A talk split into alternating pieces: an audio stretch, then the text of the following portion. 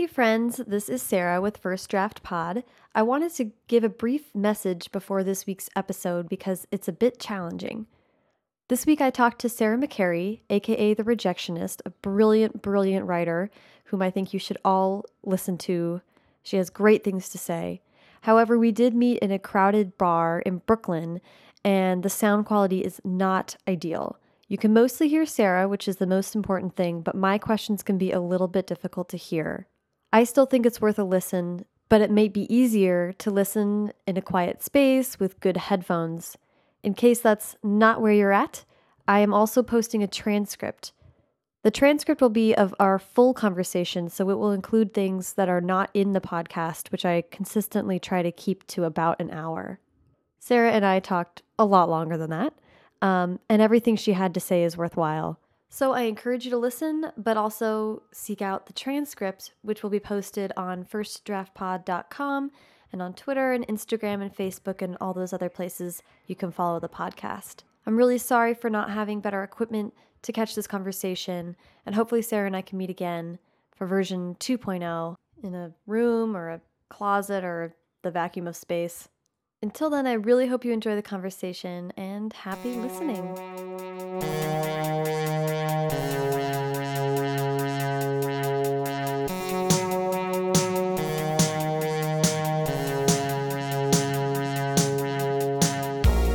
Welcome to First Draft with me, Sarah Enni. Today I'm talking to Sarah McCarry, author of the Metamorphoses trilogy, the final installation of which, About a Girl, is out July 14th.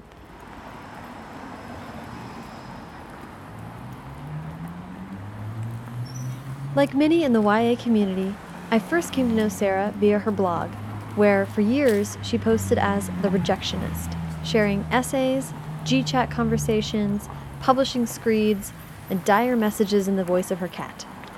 The thread tying all the posts together was the rejectionist's witty, aggressively intelligent writing and her persistent call to revolt against our own perceptions, against an industry, against a patriarchy, and at times against the cat. I particularly responded to her frequent meditations on place.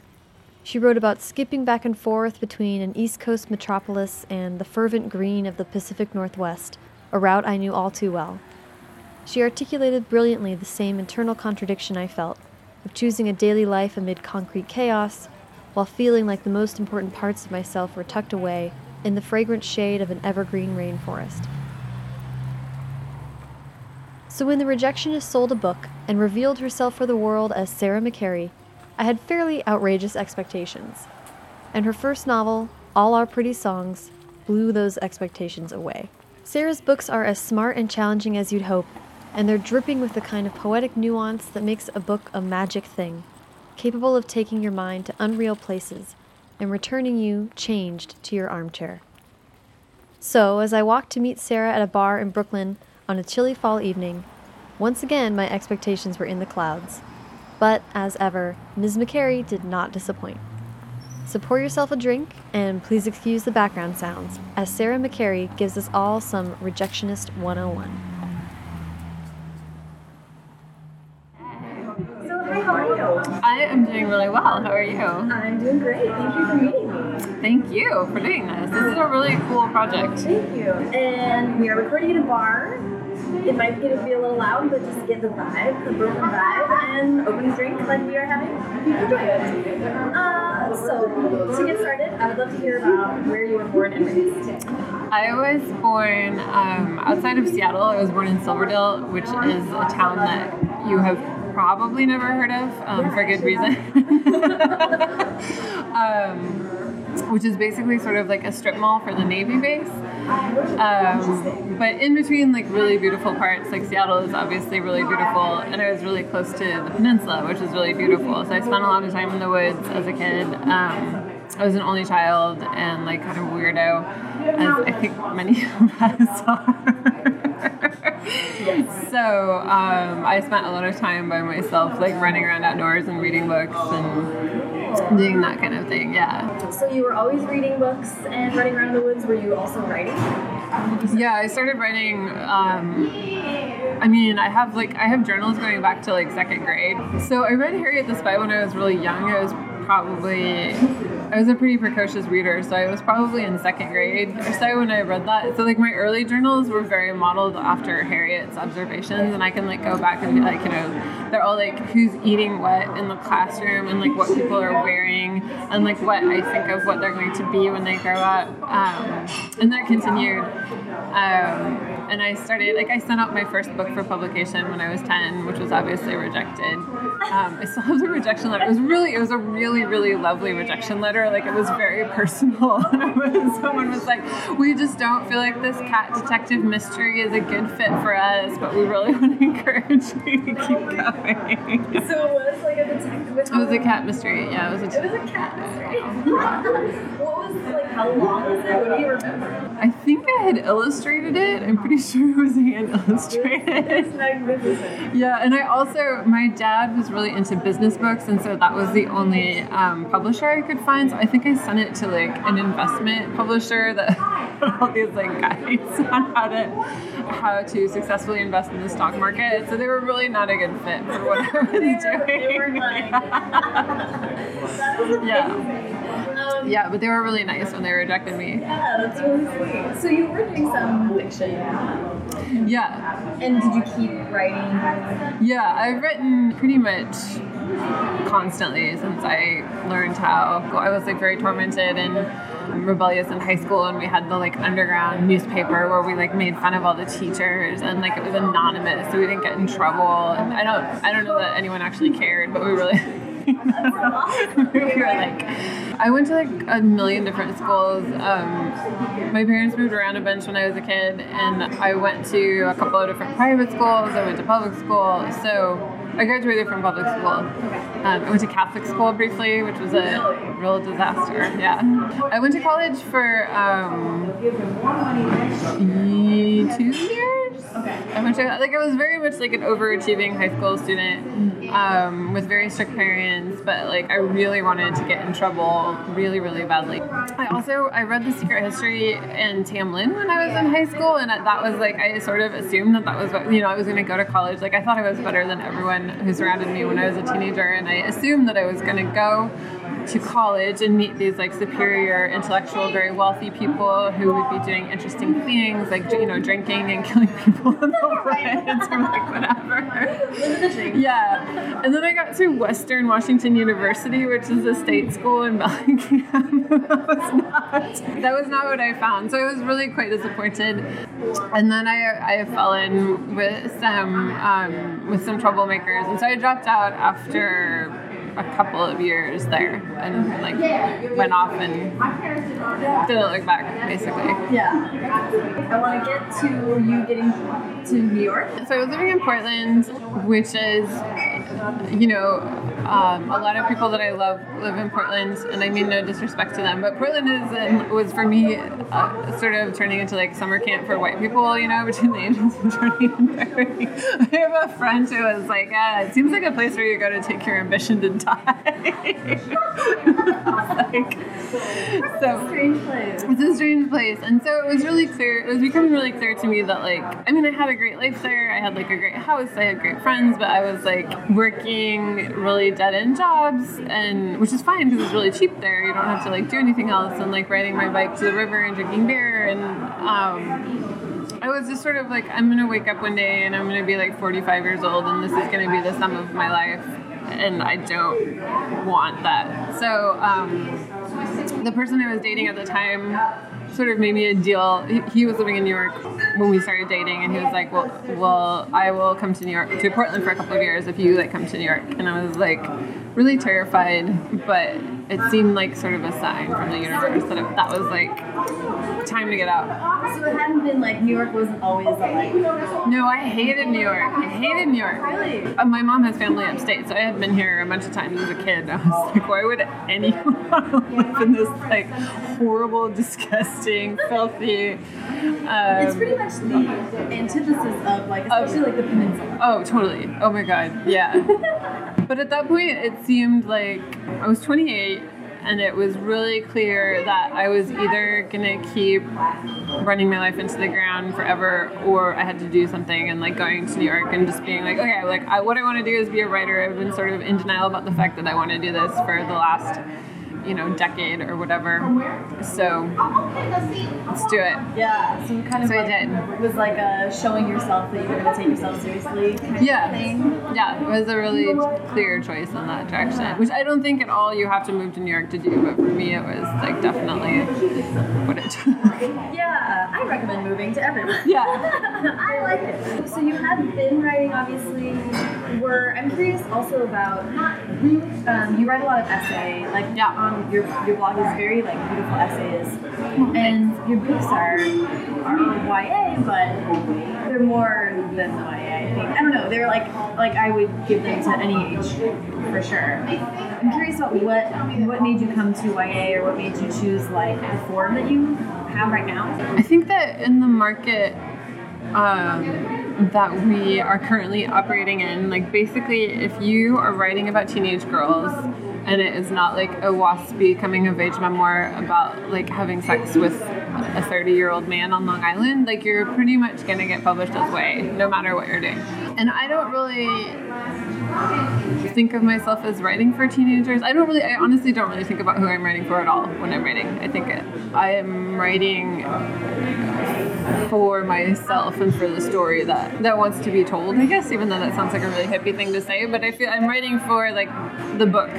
So I don't know that I would have published those books this way, to be honest. Yeah, but I mean, I'm really lucky that I ended up like Sarah is my editor at St. Martin's, and she's fantastic, and she's basically just like, okay, go with God, you know, do whatever you want. Yeah. Which is really rare. I mean, I had also worked in publishing off and on, and so it, I think se- seeing how the sausage is made really makes you appreciate when you are very lucky. You know, it's it's so variable depending on who your editor is and who your publisher is, like what's YA and what's not YA, what you're allowed to write about, and if you can have sex, and if they can have cuts, or if, if they can cuts, or if they can like do drugs, or if they can't, or if they have to like you know, use a condom every time they have sex. Like, you know, It's like very arbitrary.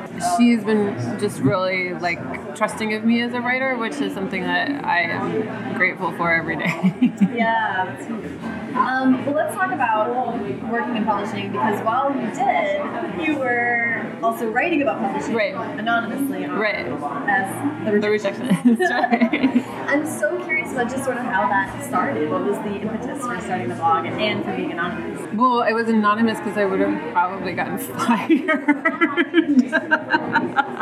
um, I did try really hard when I was. Um, I don't know if this was clear to people when they were reading the blog, but it was really important to me. Like, I never used actual query letters. I never used like actual identifying details of like anyone. But I did try really hard to protect the identity of the people that I was writing about with like sort of love and also frustration.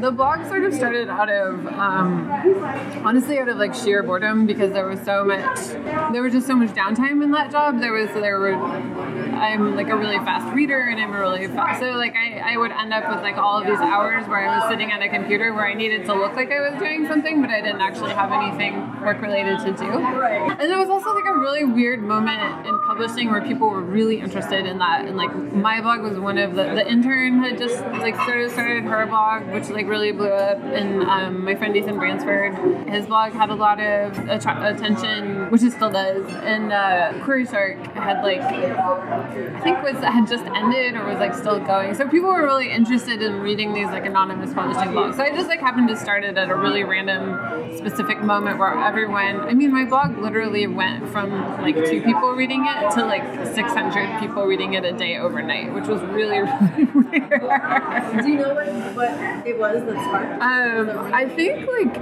I think Janet Reid tweeted about it or something, and then all of a sudden it was like, oh shit. all, these- You had an audience. all of a sudden, I had an audience, which is really rare. And that, I mean, that was really lucky. And so I wrote about publishing quite a lot for probably a couple of years and then that just became increasingly disinteresting to me because there's really only so much you can say about publishing. Yeah. So then I just started writing about myself, and um, a lot of people stuck around. I was really surprised. Like the traffic definitely dropped off a lot when I was no when I was no longer talking about you know like the actual industry and, and sort of the inside of the industry. But But did you like, had you, I guess I assumed you'd always been writing sort of essay-ish things, but had you really before? I had never written for the internet before. I had been making a zine, a personal zine, since the 90s. I was really new to the internet. Like when I lived in Portland, I literally had to ride my bike to the library to check my email. Like that was the relationship that I had with the internet before I came here. So starting the blog was definitely a really fast learning curve and a really like shocking. I mean, I had no idea of the kinds of things that happen. You know, like the sort of internecine internet wars and like how much people care on the internet about stuff. It was a really uh, fascinating crash course in like human behavior online. Yeah. So something that really interests me about, like, especially now that you can of look back on on that part, like the life of the blog at that point, is the anonymity because you kept it for a long time. Even when you were writing about personal things for a while, you were still anonymous. What, what did you like about writing personal uh, pieces behind an, an, an anonymous name? Well, there was obviously a lot of freedom to doing that. I mean, I was still I was still working for that agent for I think three and a half years or something like that. So I really couldn't if I wanted to. And and I I mean I moved here in 2008, two weeks before the economy collapsed. so it was really like I really couldn't have lost that job. And then I kept it anonymous for a while because I mean partly it was just it seemed sort of weird. I couldn't really figure out a good way to make it not anonymous until I sold until I sold my first book, and then it seemed that seemed like a really obvious point to be like, oh hey, hi guys. Right. but um, but yeah, the freedom is really interesting, and I'm really grateful too for having learned about because you know people say really terrible things to you on the internet when you are writing about yourself, especially if you are female. So sort of learning how to deal with that with the that initial veil of them addressing a character was like a level of separation that I'm really grateful for, and I think it made it a lot more possible for me to to have. I have a really thick skin now about what people say to me specifically, or about me, or about my work that I don't know that I would have had if I'd been able hadn't been able to practice with that fake identity. Yeah. So what did um what was the feeling of actually becoming known? Like was that really scary? It was super scary, and then it was like not a big deal at all once it actually happened. Uh, Like I was really terrified. I don't know what I thought was going to happen. You know, I thought like helicopter, cop, police helicopters were like descend to my house or something. But people were like, "Oh, that's really great," you know, that's and it was really nice. And then You sort of did lose a character.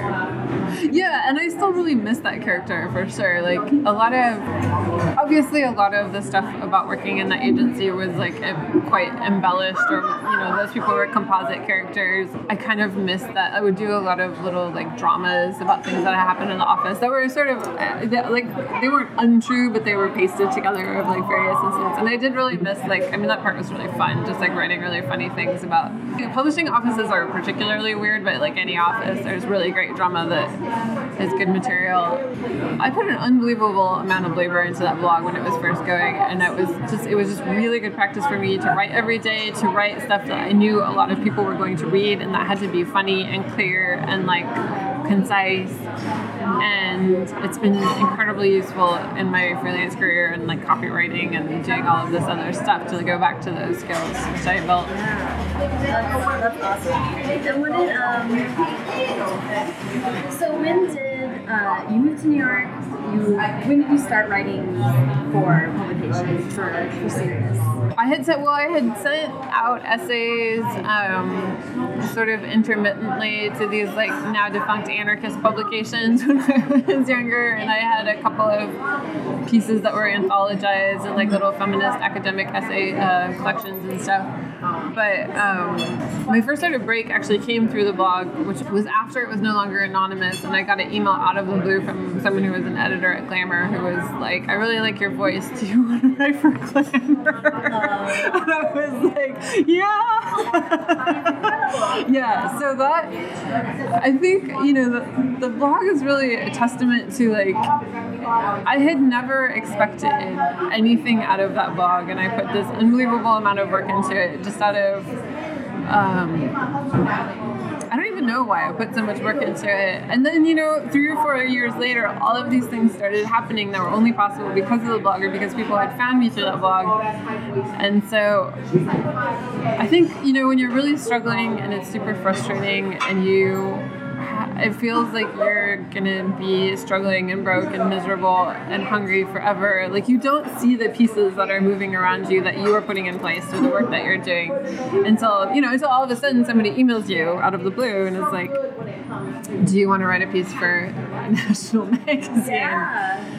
Um, so that was sort of my first big break, and then from there it just kind of started building. My agent contacted me through that blog, and she's great. I love her. Yeah, I think of it as being, in some sense, kind of like getting an MFA. You know, you're like building all of these skills. You're making connections that sometimes you don't even know that you're making. You're like, and it has the advantage of teaching you how to deal with people who are really, really horrible on the internet. Welcome to the internet. Welcome to the internet, which I don't think an MFA does. Yeah. Uh, um, so let's talk about uh, all, uh, all three songs. When did that idea come to you? How did how did you get inspired for that? That idea, I had sort of decided, I was really broke, uh, like really, really, really, really broke. And I, to be totally callous and honest, I had decided that I was going to write a really crappy commercial because I had seen so many of them come through, you know, come through, and like, and I was like, I know how to do this. I'm gonna write a really crappy commercial, like love triangle book, and I'm gonna sell it for enough money that I don't have to like, I don't want to have to keep working like 400 fucking jobs. so I'm gonna like, I want my check. Um, so I sat down and I wrote the most unbelievably awful, so unspeakably bad. And then, like my second, what I think of as my second big big break came, which is that I got into a residency, which was the first residency I'd ever gotten into in my entire life of applying for residencies, and I took this like monstrosity. It was, it was like embarrassing monstrosity up there and threw it out basically and started over in a month. I mean, I was up there for a month and there's like literally nothing to do. You're like in a room by yourself and they bring you your lunch every day in a basket and leave it on your porch so as not to disturb your process. It's so beautiful. And like everyone, like everyone who works there is like, you're here because you're so special. And it was just like, it was incredible. Um, it was really incredible. And so I threw that whole book out and then, um, basically wrote the first draft of the second book in like you know 30 days of of being locked in my studio there. So this was the second book that had gone out and i was really prepared and that was like a two year process. And this is the second book that had, that i sent out and i was totally prepared to like buckle down and just like you know drink for the wait. And it sold in like four weeks. Wow. to sarah. So, yeah. So how did you you show up and you throw out this thing that you wrote of desperation and anger? And how did this combination, it's a really unique combination of myth, different things. Where did all this come from? How did this story start? A lot of it came from i feel like in a lot of ways the first book is just sort of like a nostalgic pastiche of my own adolescence and like sort of the adolescence that i wanted to be having when i was an adolescent which is much more glamorous obviously than the adolescence that i actually had. I mean i knew i've i have loved the orpheus and eurydice story forever and i knew i wanted to subvert it because it's really boring you know it's boring. Like she has no voice she just dies and like everyone's sad but she's not she is like sort of it's like a property transfer of like her from like Orpheus to, Right, to right. Hades, right? So there's no, and I'm, I'm just like so much less interested in writing about romance than I am about writing about girls and like the ways that they build these really complicated, especially when you're a teenager, these like very complicated, freighted, often like kind of sexualized relationships. Something that I thought fascinated me when I thought about it after I read it was the idea that you're sort of taking a myth, a long-standing, long, long, long existing myth, and then mixing it with the sort of myth that we've culturally built about that scene. Right, like for sure. time. And I mean, what was it like to work with pre-existing stories? Both of those things have been told hundreds of times, but this is your unique sort of take on them. What was it like to play and like try to make your mark on something that had, that was familiar to a lot of people? I think. Well, I mean, I've always worked a lot with myths in in a lot of in um, a lot of the like early, very regrettable fiction that I was doing, which will never see the light of day. Um, and I've been really inspired by people. Um, like I think Kelly Link is someone who takes myth and does these like really, really brilliant, subversive, wild things with it. And um, Elizabeth Hand is another writer. Like I've, I've been very, very inspired by people who are able to kind of like evoke that sort of nostalgia that mythology does, but also take it to really unexpected places. And so that's kind of who I was looking to. Was, you know, I would read it. Yeah, I would read that. I would read that and be like, that's what I want to make people feel. You know. Yeah, yeah, yeah. That's So- I love that um, because I find myself trying for that too, like writing for a feeling, and that's not sentence level stuff. It's like I mean, it is Right. like it's like how is this going to sink into somebody? It's a very interesting way to try to see your manuscript, especially when you're revising and. Revising. Right. And especially writing about music is really challenging in that way because you can't. yeah, you really. you really can't write about like well and then the chord changed and everyone heard a different chord you know like you really like for me and for me when i listen to music it's this like extremely visceral experience and that's what Well, i'm always that mosh pit. I was like, yes. Thank you. Thanks, yeah. A real experience. yeah and i think especially when you're a teenager you're already like having i think you're really tapped into like these very visceral experiences that we sort of lose the ability to get at as we age so i really wanted to write about the feeling of what that was like which i, I think i'm always going to be trying to do that Yeah. in some way Yeah. because it's really hard It's really relevant, and I think those. Um, I feel like I'm always trying to write to a transcendent experience, and there was just a lot more of that. Yeah. At that age. Yeah, than yeah, for there sure. Are now. Yeah, I think the veil is really thin between this world and like the transcendent when you're a teenager. It's a really good way to put it. Yes, it is.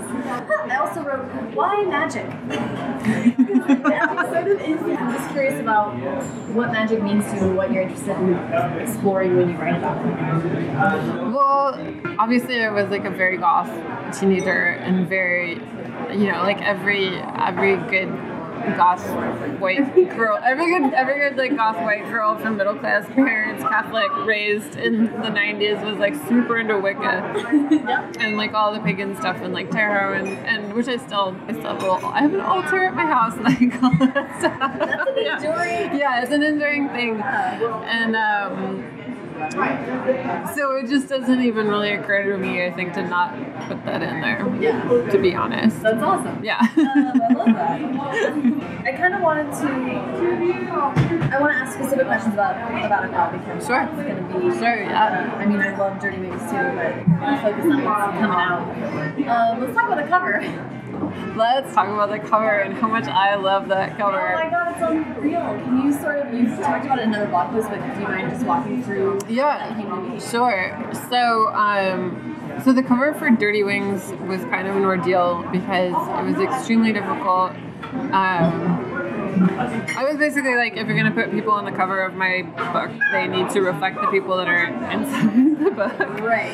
Um, and that was literally the only. I mean, I'm really happy with that cover. I think it's a great cover, but that was like literally the only stock image that they could find that had a white girl and an Asian girl in any sort of like remotely punk like. I, I mean, I think it might have been the only image they could find, period, of like a white girl and, and an Asian girl, but um, which is obviously a problem. And so uh, I went out with Sarah. Um, at this point, you know, we're like we're good friends, and I went out with her um, one night, and I was like, I want two girls making out on the cover of About a Girl, and she was like, okay. I like emailed her the next day, and I was like, no, I was I was serious.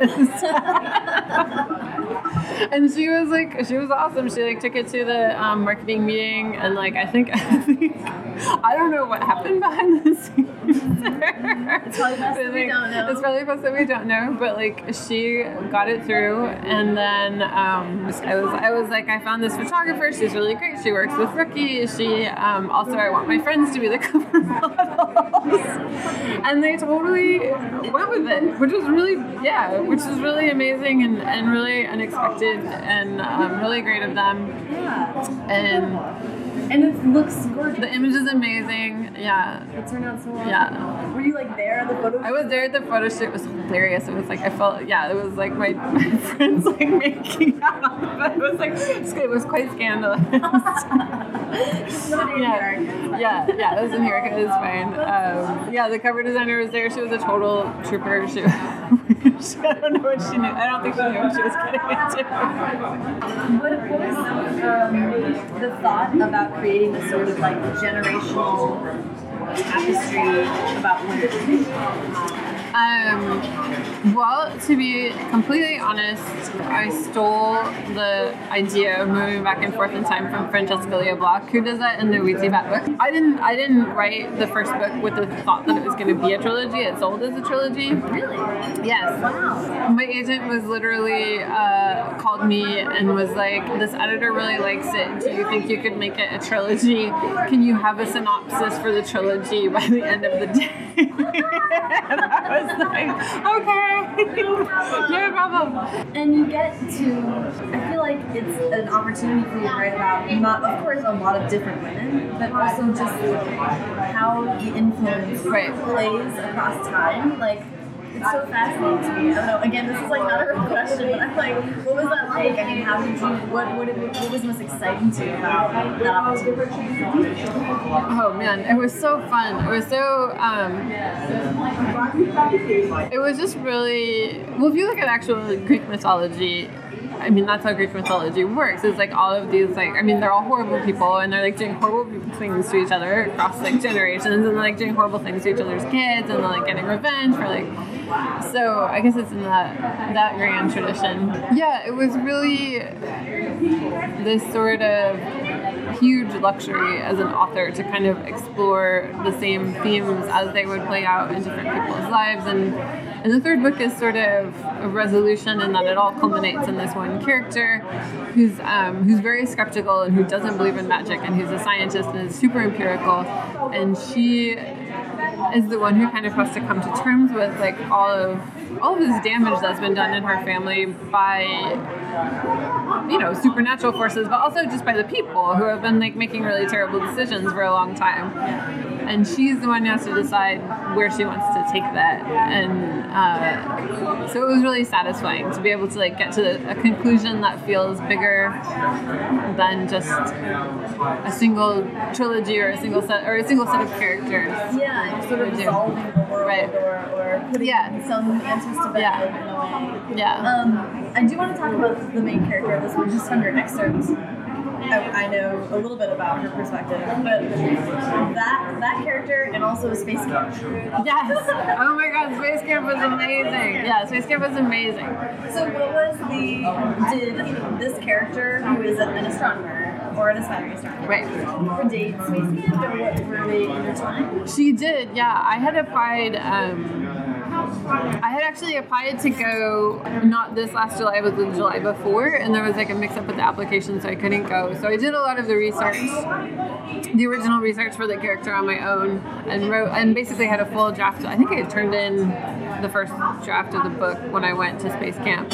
So Space Camp is um, is the Launchpad Writers Workshop, which is this really fabulous writers workshop in Laramie that they do every year, where you go and for a week, and it's for specifically for writers, and you go and you learn about astronomy and like actual facts about the universe, and um, and it's amazing. it was so fun. Is it like something that they started with the intent of having journalists get science, or was it actually It's specifically for people. Um, I think they started it originally for more hard science fiction writers, but it's specifically for people who are writing about science so that they don't screw up the science. So it was really great to be able to go and sort of like fact check all of this research that I had done and like ask specific questions about things that like and it's also really fascinating because depending on what time period you're writing about, like how much people know and what they know, and like what theories are no longer current, has, has really changed. So, um, And is your character for About a Girl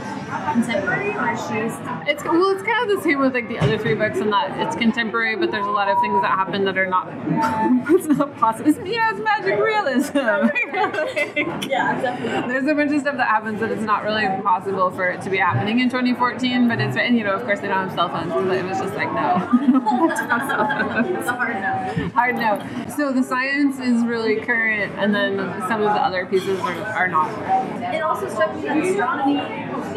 She might she might reject magic, but astronomy is like this whole different kind of magic. Yeah, and that comes up in the book a lot, where she's sort of. I mean, there is just so much really insane stuff about the universe and how it works that doesn't that is quite mind blowing, and so her whole premise um, until she meets Medea and everything goes to like you know she's like oh wait maybe there is magic, but her whole premise for the first you know third of the book is that you don't need magic because the actual the facts of the universe are so incredible that like why would you want like weird hippie shit when you you know when the, like I mean like quasars are insane or like all of this stuff is just so so cool and so beyond belief. beyond belief and so fascinating and yeah so that's sort of her empirical position at the start which expands a lot or grows It's lot like how if you take math long enough, it just becomes philosophy. right totally totally totally yeah Um, and the line between the two, the fact that it's blurry is so wonderful. You and you, mentioned it a little bit, of course, it's like clearly going forward in your work, but I'm curious about when about telling stories about yeah and what your um, not that you have to have like a purpose or one singular drive, but what what are you interested in exploring about that in your fiction? Well, I think I'm always going to be really interested in like the complexity of friendships between women and um, just the ways that different women choose to survive, or like how we survive in a world that obviously is not out to protect us. I just, you know, it's like honestly never occurred to me to write about boys. And whenever I do, I've like tried to write a couple of short stories from like male perspective, and it's always like turns out to be someone who's like a sociopath or like a serial rapist. So, like, but yeah, like I just am not interested in in boys stories. Yeah.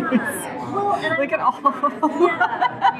I, so I'm curious about if there was maybe anything specific in your life, if you had a moment like that where you realized you chose to dedicate your art to telling a certain kind of story. Well, you have to understand. I mean, like when I was growing up, my best friend and I, when we were like 13 or 14, like we got hold of the Perry Farrell movie Gift, which is um, which is not good, but it's interspersed. It's like him and his then girlfriend shooting up on screen, interspersed with live Jane's Addiction concert footage, and he like she the girlfriend dies and he like carries her around through the movie. And like when I was watching this when I was 14 I was like that's exactly what I want my life to be like. You know so I was like it's like it's it's just I think it's just it's just there. It's just like how I'm wired you know?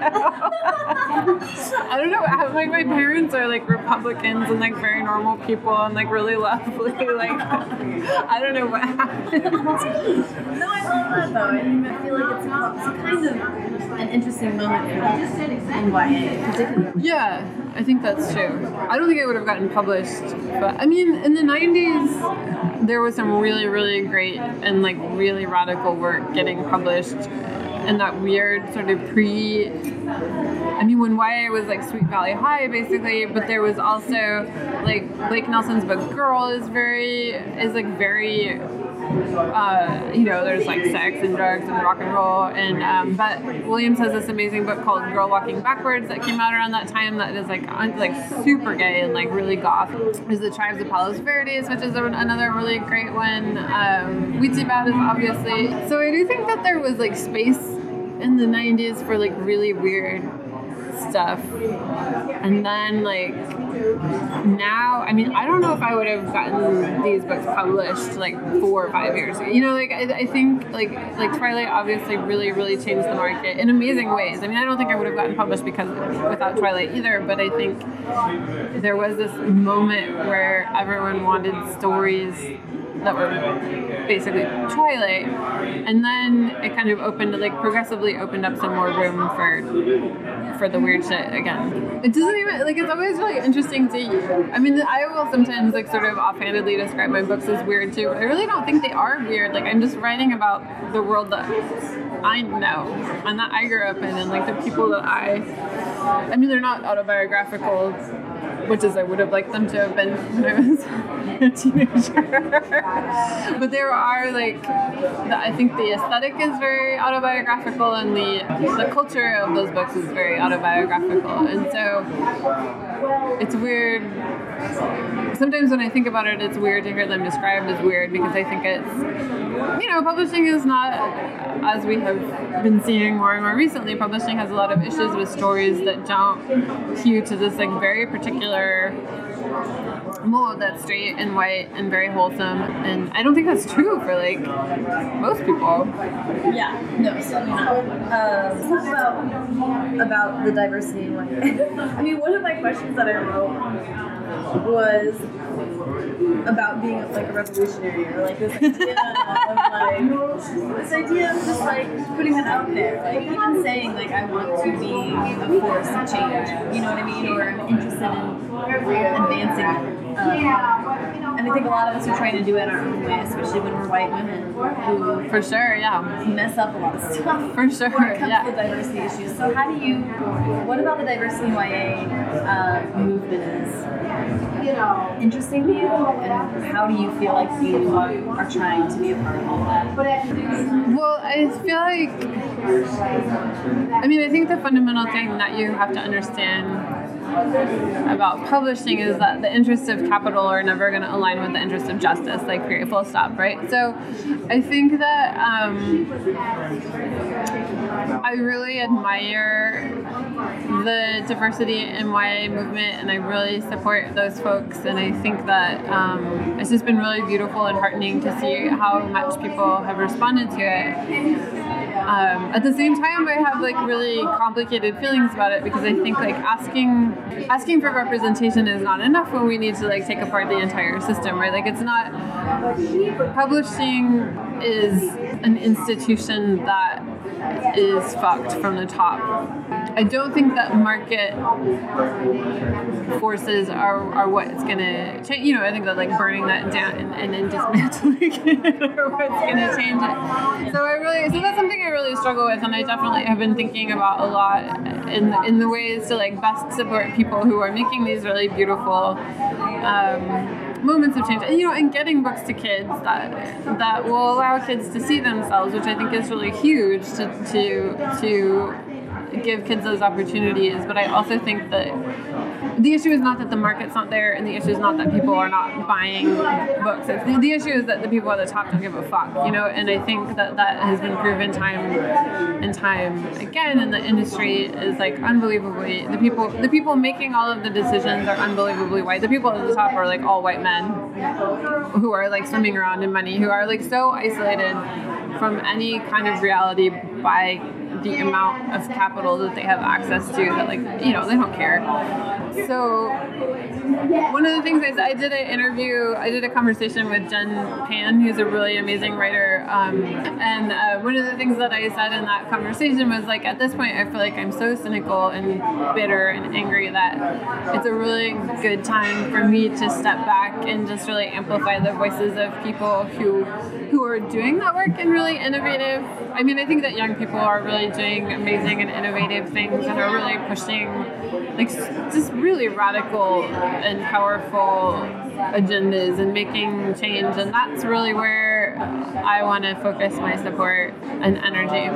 Well, young, I mean, young women of color are like tearing it up on Twitter. You know, like I, I think that, like I could name like a, a thousand people, but there's like um, Sarah Hannah Gomez is amazing, Sumaya Todd is amazing. There's that's just in in like book specific stuff. Um, uh, woman who blogs it, who tweets as Kay, who's really fabulous. Like there are so many like young activists of color who are really like pushing the conversation to where it needs to go, and that's that's that stuff makes me hopeful. I They're like so smart. they're so smart, and, so, and they're like 20 years old. You know? I'm just like I'm really hopeful in that sense to like see these this generation of people who are of activists who are so smart and so savvy in terms of how they use social media and so unafraid in terms of what they are willing to like to say and like how critical they're willing to be and that's that's like super exciting I think. I think that's one thing that we can do as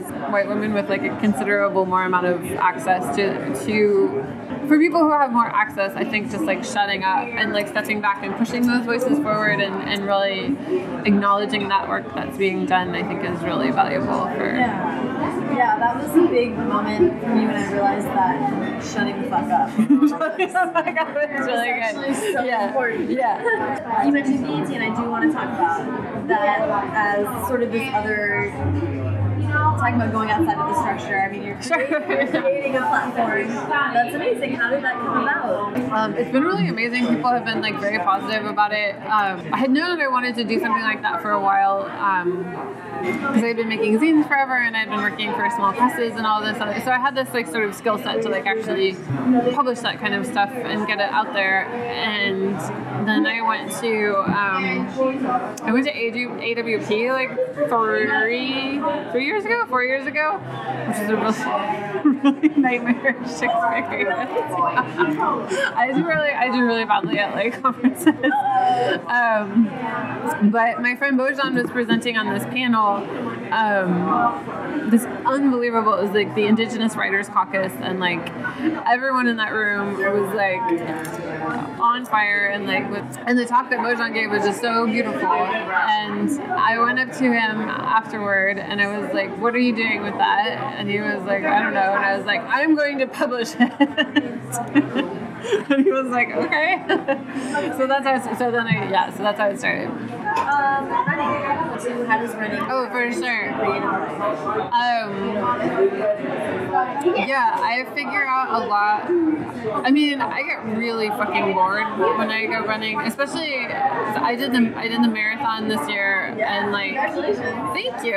It was a big yeah, it was a big. Uh, I had no idea I was to actually be able to do that. But running is really boring. I don't actually enjoy running, but when I am working on something, that boredom I think is really generative because for the first like mile or two, when I was when I was doing like really long distance runs when I was training for the marathon, I would listen to audiobooks just because I, would- I was like lose my mind otherwise. But um, normally I don't listen to anything when I run, and so by like mile three or four, you're kind of like. "Ah, I don't know what's going on, and like I would definitely get really. I solved a lot of problems in this last trilogy while I was running. Um, and I'm trying to go running more now that I'm working on this book because this book is like fighting me.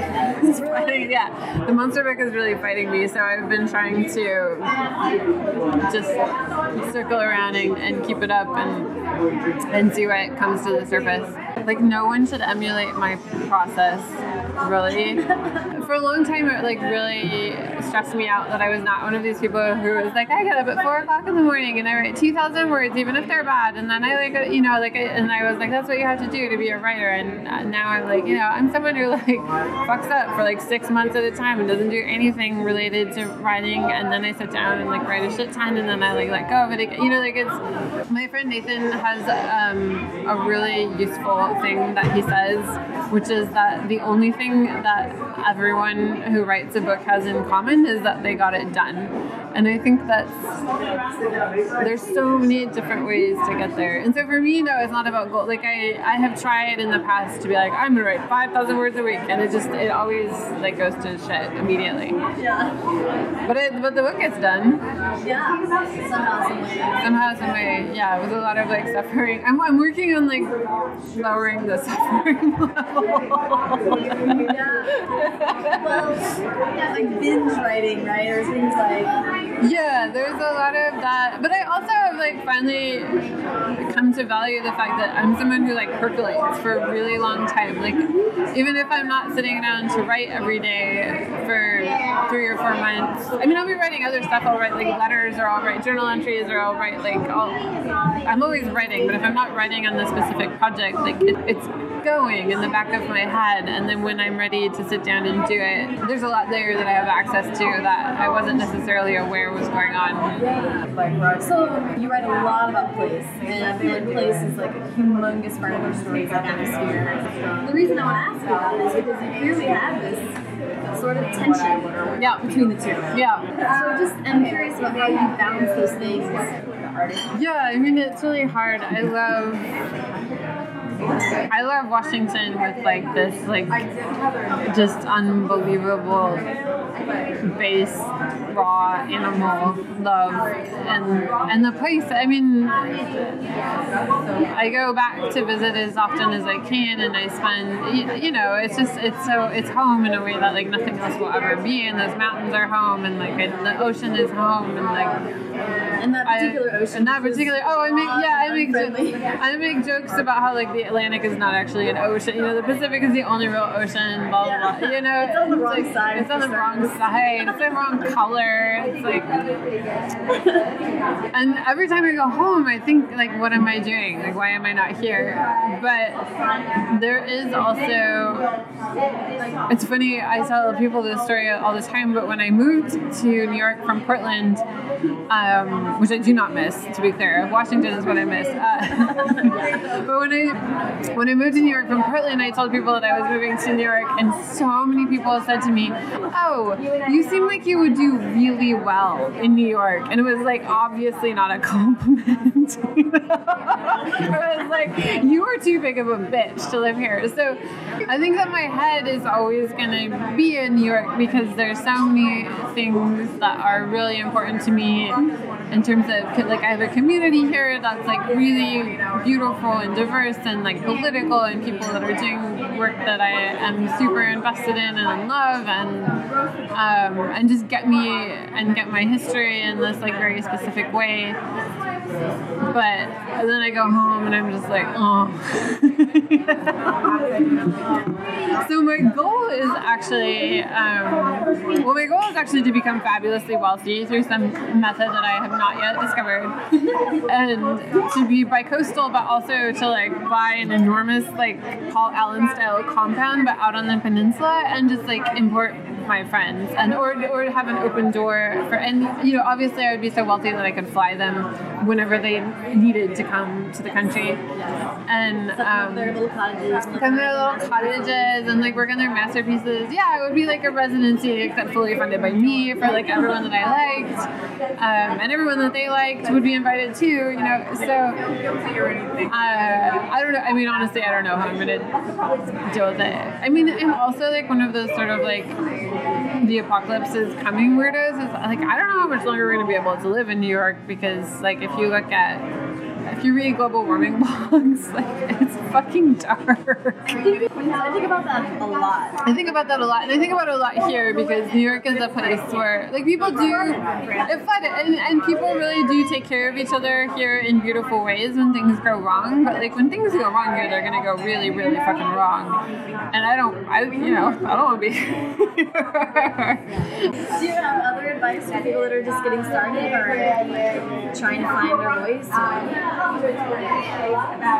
Yeah, I think um, just learning to, for me, things that were very useful were um, learning to figure out who was reading the kind of work that I wanted to be making and not the kind of work that they wanted to read, which is probably the most useful feedback that you're gonna. Everybody has ideas about what you should be doing, but figuring out who the person is, um, which may only be one person. As far as like critique. As far as like critique partners, yeah, like, which for me has only been one person who's like conveniently my best friend, but um, finding the person who's telling you, who's who sees the story that you are trying to write and can tell you good ideas about how to get there, I think is really valuable. And just like, just fucking like love yourself. You know, I think that is like the best advice I can give anyone is just have total faith in yourself and what you're doing. There's this really great Kim Gordon quote um, from I think the 80s where she says that people will pay money to see other people believe in themselves. and I think that's really true. You know, and sometimes, granted, it's not a lot of money, but I think that's like it's a basis of art. And for me, like it was never a question of like I I, I think I've always known that I was probably not going to make a living doing what I cared about. And if if that's true for you, like if you're someone who's trying to write commercial fiction, like that's a totally different world, and I have total respect for that. And I'm the wrong person to listen to. but if you want to make if you want to make work that is yours and no one else's, just don't fuck around, you know? Just trust that and love that and just do it. Just jump. Yeah. Um, I love that. Well, thank you so much for talking to me. Thank you for talking to me. Yeah. Get another drink. Yeah, totally.